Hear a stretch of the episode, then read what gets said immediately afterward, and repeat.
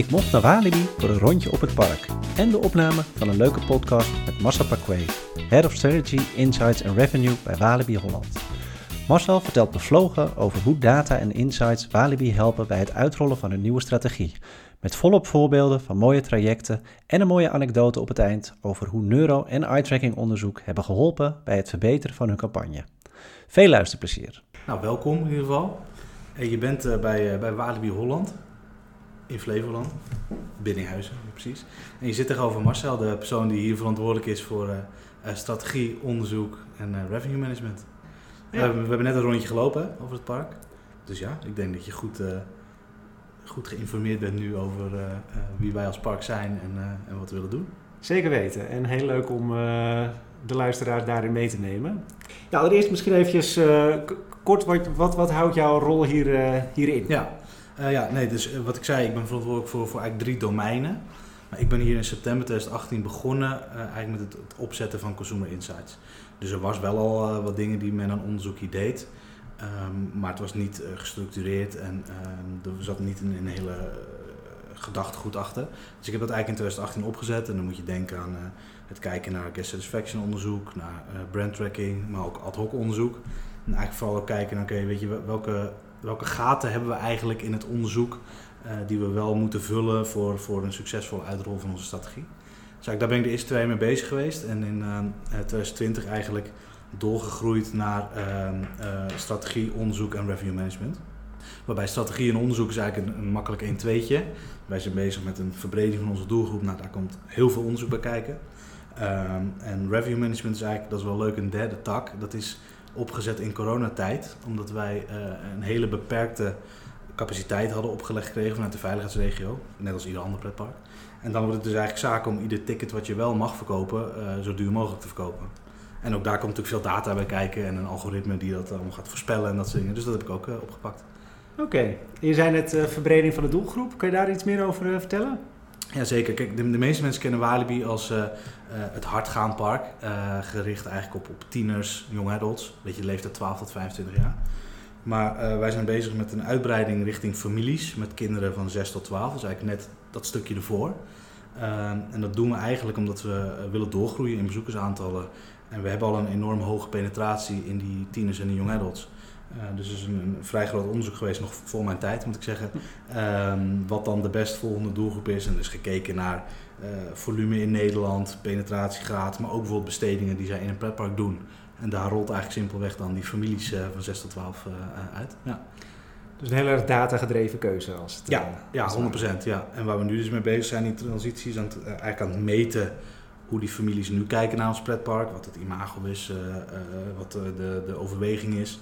En aan het kijken hoe we dat continu kunnen, kunnen verbeteren eh, door zowel communicatie eigenlijk in de markt, maar ook eh, op langere termijn ehm, eh, aanpassingen in de parken te doen om meer families aan te trekken. Ja. Ik wil je iets zeggen over die communicatie, aanpassingen die je dan eh, bijvoorbeeld doet? Eh, ja, dat, eh, zeker. Ehm, eh, kijk, wij zagen een, een, een- een hele goede awareness en eigenlijk een wat lagere consideration. Ehm, wat eigenlijk een gevolg is van eh, hele goede marketing, alleen eh, op eh, een doelgroep die iets te, te nauw. Hè, dus waar wij vroeger tv-reclames maakten met, met gillende tieners en testosteron dat door je tv-scherm schoot, dat zagen die families natuurlijk ook. Waarvoor zij hebben gedacht van oei, dat is misschien niet zo geschikt voor ons. Dus we zijn nu eigenlijk aan het laten zien wat wij allemaal wel bieden voor families. En dat is in het park. Dat heeft Ewout nu ook gezien, kan hij bevestigen. Daar staat best wel wat voor families. Zeker. Alleen dat moet je wel laten zien. Ehm, eh, en, en, en zo proberen we dus het imago om te toveren naar een, het imago dat wij gewoon goed geschikt zijn voor families. Eh, dat het hier leuk is. Je kan hier echt een prima dag beleven met je familie. Ehm, dus dat is eigenlijk meer op de, op de verhalende content kant. En anderzijds zijn we heel erg bezig met het, het implementeren van Byron Sharp gedachtegoed. Ehm, dan praat ik over DBA's bijvoorbeeld. Dus we hebben eh, met, eh, met een bureau, validators, eh, onderzoek gedaan naar oké, wat zijn onze distinctive brand assets, waar scoren we goed op, waar scoren we niet goed op. En bijvoorbeeld een gevolg daarvan is dat je nu in alle tv-reclames continu onze mascotte ziet. Want dat is eigenlijk onze sterkste DBA. Ehm, samen met die gekke W, eh, of gekke W, met de W van De W. Walibi. ja. Ehm, dus ook dat probeer je nu consistent, consequent goed door te voeren in alle communicatie. Eh, eigenlijk om die, die mental awareness te vergroten. Waardoor ook daar, hè, als je dan praat over, als ik dan de categorie ga overwegen, om dan eh, ook Walibi te overwegen. Ja. En Walibi Nederland is ook onderdeel van een, uh, van een groter geheel. Ja. Um, in hoeverre ben jij zelf bezig met uh, insights voor het grotere geheel of, of, werk je samen met de andere Walibis? Ja, en, en, niet per se met de andere Walibis, maar wij zijn inderdaad onderdeel van uh, Compagnie de Zalp, een Franse partij die heel erg zit in de ski resorts, maar daarbij ook een flink aantal pretparken heeft. Alle Walibi pretparken, maar ook bijvoorbeeld in Frankrijk heel bekend Park Asterix en Futuroscope. En eens per zes weken hebben wij inderdaad in Parijs hebben we dan marketingmeetings. En dan komen wel eens wat dingen voor naar voren die uh, dan op mijn bordje belanden. Bijvoorbeeld het uitrollen van, van brandtracking over alle parken heen. ik ben nu bezig met een prijselasticiteitsonderzoek. dus er, er, komen wel dingen uit die voor meerdere parken gedaan moeten worden. Ja, dan wordt er automatisch gekeken naar de persoon die binnen het bedrijf het meest weet van onderzoek. En ja, dat ben ik. ja. Dus jij bent wel binnen de groep uniek in je soort? Uh, ja. ja. Hey, en uh, je noemde net al best wel veel soorten traject. Kan je een beetje, ja, wat je dagelijks werk, wat voor trajecten je allemaal uh, uh, ja, aan de hebt? Ja, zeker. Ja, kijk, als je kijkt naar wat, wat wij aan continu onderzoek doen, is een, een heel groot guest satisfaction onderzoek. Dus eigenlijk iedere dag dat het park open is, lopen de mensen met tablets in het park rond. En die vragen dan van 200 mensen eigenlijk wat, wat socio-demo variabelen en hun e-mailadres. Uh, om ze eigenlijk achteraf een guest satisfaction uh, survey te sturen. Uh, dus dat zijn er dan 200 per dag. Nou, daar vullen natuurlijk niet alle 200 achteraf in. Maar daarmee hebben wij echt wel op dagbasis een goed niveau en een goede beoordeling eigenlijk van, van alle touch, nou, lelijk woord, maar alle touchpoints in de consumer journey. uh, maar we weten dus hoe de toiletten scoren, hoe de rides scoren, hoe de F&B outlets scoren. Uh, en dat kunnen we dan per dag tegen elkaar afzetten. Uh, en dat crossen we dan ook op doelgroepen. Zo meten we ook bijvoorbeeld of we wat meer families in het park krijgen, wat wel de bedoeling is. Um, dat is in het park. En dan anderzijds in de markt hebben wij uh, brandtracking lopen. Uh, elke week wordt daar natuurlijk ge gekeken naar het merk. Dat is gewoon klassiek met de funnel en dat soort dingen. Maar er zitten ook wat DBA en, category entry point vragen in. Om te kijken of we daar de goede kant op gaan. Um, en de derde tak waar ik continu mee bezig ben is ons revenue management tool. Dus we hebben eigenlijk een algoritme gemaakt die voorspelt hoeveel tickets we op hoeveel dagen voor een dag verkocht zouden moeten hebben. En of we dan dus voor of achterlopen, via welke kanalen, et cetera. En dan kunnen we eigenlijk aan de prijzen gaan draaien als het uh, nodig is. Uh, dus dat is eigenlijk allemaal zeg maar, structureel. En dan heb je natuurlijk ook ad hoc allemaal projecten die, die worden ingeschoten. Dat zijn, gaat zo breed van, we willen een nieuw evenement organiseren. Wat, wat zouden we daarmee kunnen doen? DBA, SEP-onderzoek, wat ik net al vertelde. Um, dus dat kan eigenlijk van alles zijn. En dat kan ook vanuit de operatie worden ingeschoten. En dat is eigenlijk wel heel leuk, want dan ben je dus echt met je voet in de klei op het park bezig. Ja. ja, want dat is misschien wel leuk om het te vermelden. Je zit hier echt letterlijk in het park. Ja, ja wij zijn een van de weinige bedrijven in Nederland waar je op je doelgroep zit op het moment dat ze het product consumeren. Daar kunnen andere bedrijven denk ik alleen maar jaloers op zijn, dus dat is wel heel tof. Nee, super om er net ook even een rondje te mogen lopen. En volgens mij doen jullie ook enorm veel op het gebied van data. Kan je daar eens wat meer over uh, vertellen? Oeh, ja, heel breed. Ja. We, we, proberen zo datagedreven mogelijk te werken. Kijk, we zijn, we zijn nog lang niet zo ver als hele grote organisaties hoor. Maar uh, we proberen dat wel stapje bij stapje beter te doen. Uh, dus wat ik jou net vertelde ook, Ewout, bijvoorbeeld dat wij op het park people counters hebben hangen die via infraroodsensoren meten hoe druk het in bepaalde gebieden is. En daar kunnen we dan op sturen. Um, met die, die revenue management tool weten we ook hoeveel mensen uh, door ons park naar binnen komen, via welk kanaal ze kaartjes verkocht hebben en dat soort dingen. Dus we proberen daar steeds slimmer mee om te gaan. Uh, enerzijds om altijd te kijken of we wat kunnen doen aan die guest satisfaction, dus om het voor een gast beter te maken. Denk aan het spreiden van die drukte. En anderzijds natuurlijk ook gewoon aan de commerciële kant zo goed mogelijk te kunnen, kunnen presteren. Ja. ja. En hoe sterk verschilt dat met het, ten opzichte van het moment dat je hier binnenkwam? Hoeveel meer data gedreven zijn jullie uh, in uh, vier jaar tijd uh, geworden? ja, toch wel. het scheelt wel een stuk. En dat is absoluut niet allemaal op mijn hm. konto toe te schrijven. Hoor. We hebben een digital afdeling die daar ook mee bezig is. En ook binnen Company zelf zijn we mee bezig. Maar je fungeert wel denk ik als een soort ja, katalysator van het geheel. Omdat je vanuit onderzoek ook heel veel met data wil werken en, en wil leren. En daar moet ik eerlijk zeggen, heeft corona ons ook bijvoorbeeld wel voordelen in gebracht. Dat geeft toch wel mogelijkheden om dingen te doen die je anders misschien niet zou doen. Ehm, dus het is wel een, een pak meer dan in, uh, in 2018. Ja, dus dat is wel leuk. En dingen die je anders niet zou doen? Wat, uh, nou, denk aan bijvoorbeeld het optuigen van zo'n heel revenue management systeem. Dat was eigenlijk voor corona helemaal mm. niet nodig. Ja. Uh, of het, het, monitoren van drukte was voor corona had dat misschien wel slim geweest, maar hadden we eigenlijk nog nooit over nagedacht. Tot een veiligheidsregio dat op een gegeven moment gaat opleggen, ja, ja. dan ga je doen. Uh, dus, dus dat biedt ook, biedt ook voordelen. En binnen de organisatie, wat zijn nou voor jou de belangrijkste? Want ik kan me voorstellen dat heel veel verschillende mensen aan jou trekken. Hoe uh, kan je dat, uh, dat een beetje managen en uh, waar heb je gewoon de meeste... De, ik werk eigenlijk het meest, verder het meest samen met, um, met onze marketing sales directeur. Um, Mark Guffens, dat is een Belg, die komt van Walibi België. Hele leuke man. en ik werk eigenlijk, ik zit in het MT, dus ik werk daar samen met eigenlijk MT-leden die verantwoordelijk zijn voor een bepaalde afdeling. Dus denk aan de manager operations die verantwoordelijk is voor de operatie, de manager F&B, et cetera, et cetera. En daarnaast werk ik regelmatig ook samen met, uh, met de directie, uh, met onze directrice Marcia die ook vraagstukken heeft en dat ze dan meer op strategisch vlak. Ja. ja. dus in die overleggen komt vanzelf wel de behoefte naar voren en dan kun je gelijk direct afvangen van wat jouw prioriteitenlijst gaat zijn. Ja, precies. En wat wel leuk is, en dat zal iedereen herkennen denk ik die ooit begonnen is met, met insights, is dat je aan het begin zeg maar, zelf moet trekken en, en vragen, want men weet dan niet precies wat het is. En dan op een gegeven moment krijg je zo'n kantelpunt, dan word je overstelpt, uh, overweldigd door allerlei aanvragen dat je het niet meer aan kan. En dan op een gegeven moment kom je in een soort vaarwater en je zegt oké, dit is wel slim om te doen, dit kunnen we beter niet doen. Zo. Dus uh, dat is wel een leuke groei die, die je doormaakt. Ja. ja. En je noemde net al een samenwerking met validators. Hoeveel van het werk wat je doet besteed je uit en hoeveel van het werk wat je doet, doe je nog zelf? ik denk eerlijk gezegd dat ik 80 of 90 procent helemaal uitbesteed.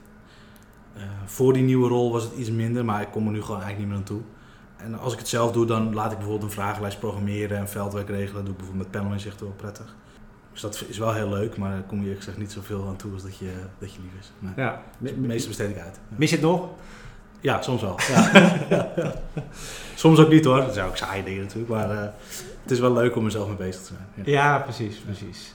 En zijn er nog uh, trajecten waarvan je denkt van ja, die staan echt wel hoog op mijn of op ons Walibi wensenlijstje waarvan je denkt, ja, daar komen we nog niet aan toe, maar dat is echt wel iets van een uh, project wat we echt wel uh, nog gaan doen en heel, mooi, heel veel impact gaat hebben? Het is niet zozeer dat we er niet aan toe komen, maar die, die, die hele, bijvoorbeeld de strategie die we hebben is echt een tienjarenplan, waar echt nog wel veel onderzoek bij komt kijken, dus waar ik echt wel heel veel zin in heb om, om, om in vast te bijten. En ook dat hele revenue management stuk, dat staat nu nog in de kinderschoenen. We hebben een algoritme ontwikkeld Um, ja, dat klinkt heel leuk, maar als je dat vergelijkt met wat eh, KLM doet of uh, wat uh, de, de, grotere hotelketens doen, ja, dan staan wij echt nog heel erg in de kinderschoenen. Dus daar kan nog heel veel doorontwikkeling op plaatsvinden. Dat, is wel, dat zijn denk ik de, de belangrijkste focuspunten. Ja. ja. En dat tienjarenplan stipt je net even aan. Is, is dat iets waar kan je daar al wat meer over vertellen hoe dat eruit uitziet? Of is dat top secret intern? Ja, dat wel een beetje. um, dus ik zou het graag willen, maar het, het, het komt erop neer dat, we, dat het natuurlijk in lijn is met uh, de verbreding van de doelgroep richting families. Waar natuurlijk aan gekoppeld zit een bepaalde groei in, uh, in bezoekers. Uh, maar ook in bijvoorbeeld gasttevredenheid die we wat omhoog willen krijgen. Dus het is altijd een samenwerking tussen oké, okay, wat gaan we in de markt communiceren en wat gaan we op het park dan maken voor die, voor die families. Ja, ja, ja. dus eigenlijk daar daar scherper op inrichten. Dat is eigenlijk een beetje. Ja, en dat inderdaad zoveel mogelijk vanuit onderzoek en data uh, geladen krijgen. Zodat dat niet een, een, onderbuikgevoel is of een mening van iemand, maar dat dat ook is wat, uh, wat de markt wil en wat families willen. Breder dan uh, Walibi zelf, want je zit natuurlijk ook al eventjes in dit, in dit vakgebied ja, ja. werkzaam. Ja. afkomstig uit de bureauwereld. Hè? Ja, ja. dus uh, ik denk al wel veel uh, gezien. Wat, wat zie je nou echt als uh, ja, belangrijkste ontwikkelingen in het vakgebied van de afgelopen vijf jaar bijvoorbeeld? Ja, vooral um, de, toen ik begon, nou begon, zo raar, maar toen het, um, het, het afgebakende van wat een losstaand onderzoek was, dat, dat is niet echt meer. Dus het is altijd nu in een soort breder perspectief en er komen, komen veel meer data vanuit andere bronnen die je kunt koppelen en kunt gebruiken. Dat doen wij hier ook. Hè. Als je kijkt naar eh, bezoekersdata, et cetera. Dat is niet iets wat je in klassiek onderzoek gebruikt, maar waar je nu eigenlijk dagdagelijks wel mee bezig bent. Uh, dus ik zie dat vooral als, als ontwikkeling die die je door moet zetten. Dus een onderzoeksbureau, in mijn ogen, kan op een gegeven moment niet meer toe met alleen we sturen een los vragenlijstje naar een los doelgroepje en dan krijgen we een los tabellenboekje of een conclusie. Ja, nee, het, het, het, moet een soort geïntegreerd geheel worden. En dat vind ik ook de rol van iemand die op Consumer Insights aan de bedrijfskant zit, om dat uh, continu te, te, integreren. En uh, wat ik daar bijvoorbeeld heel lastig aan vind, is dat we echt een, eigenlijk een, meer een soort overkill aan data hebben. Um, en dat je goed moet bekijken van wat je waarvoor moet gebruiken, wat relevant is.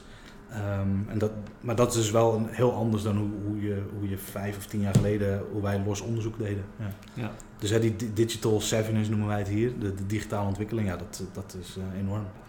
En in die uh, toevoegen van data, heb je dan ook het idee dat, uh, dat vanuit de bureaus waar je veel mee samenwerkt, dat er ook veel andere oplossingen op je afkomen waarvan je denkt van nou, dat was inderdaad in het verleden, dat is misschien wel een los onderzoekje aangeboden, maar dat is nu echt wel meer geïntegreerd verhaal? Tot op zekere hoogte, ja. Kijk, wat, wat, wat bureaus natuurlijk niet hebben, is die data die bedrijven wel hebben. Hè? En dat begrijp ik ook heel goed. Ehm, dus het is tot op zekere hoogte denken ze er mee. Ik heb laatst bijvoorbeeld ook echt onderzoek uitgevoerd waarbij wij data hebben opgeleverd aan een bureau die daar zelf dingen dan mee ging doen. Ehm, dus dat was heel goed, daar was ik ook blij mee. Uh, dus, dus ik denk dat dat steeds meer gaat komen. En ik denk misschien dat de grote spelers daar ook al wel wat verder in zijn met, met data science teams en dat soort dingen.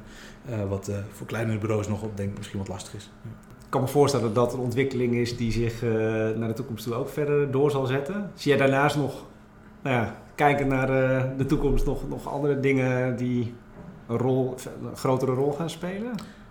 Ik denk Echt dat die datakant is. voor jullie. Ja, uh, ik, ik, denk wel dat de onderzoeksbranche, hebben we het net al een beetje over gehad, dat de onderzoeksbranche een enorme uitdaging heeft met het vinden van goede mensen.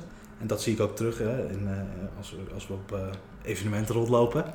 um, dus ik denk dat dat een, een, hele grote uitdaging is voor de bureaus. Van oké, weet je, hoe, hoe hou je het vak wat wij hebben zo aantrekkelijk mogelijk, zodat er ook instroom blijft komen?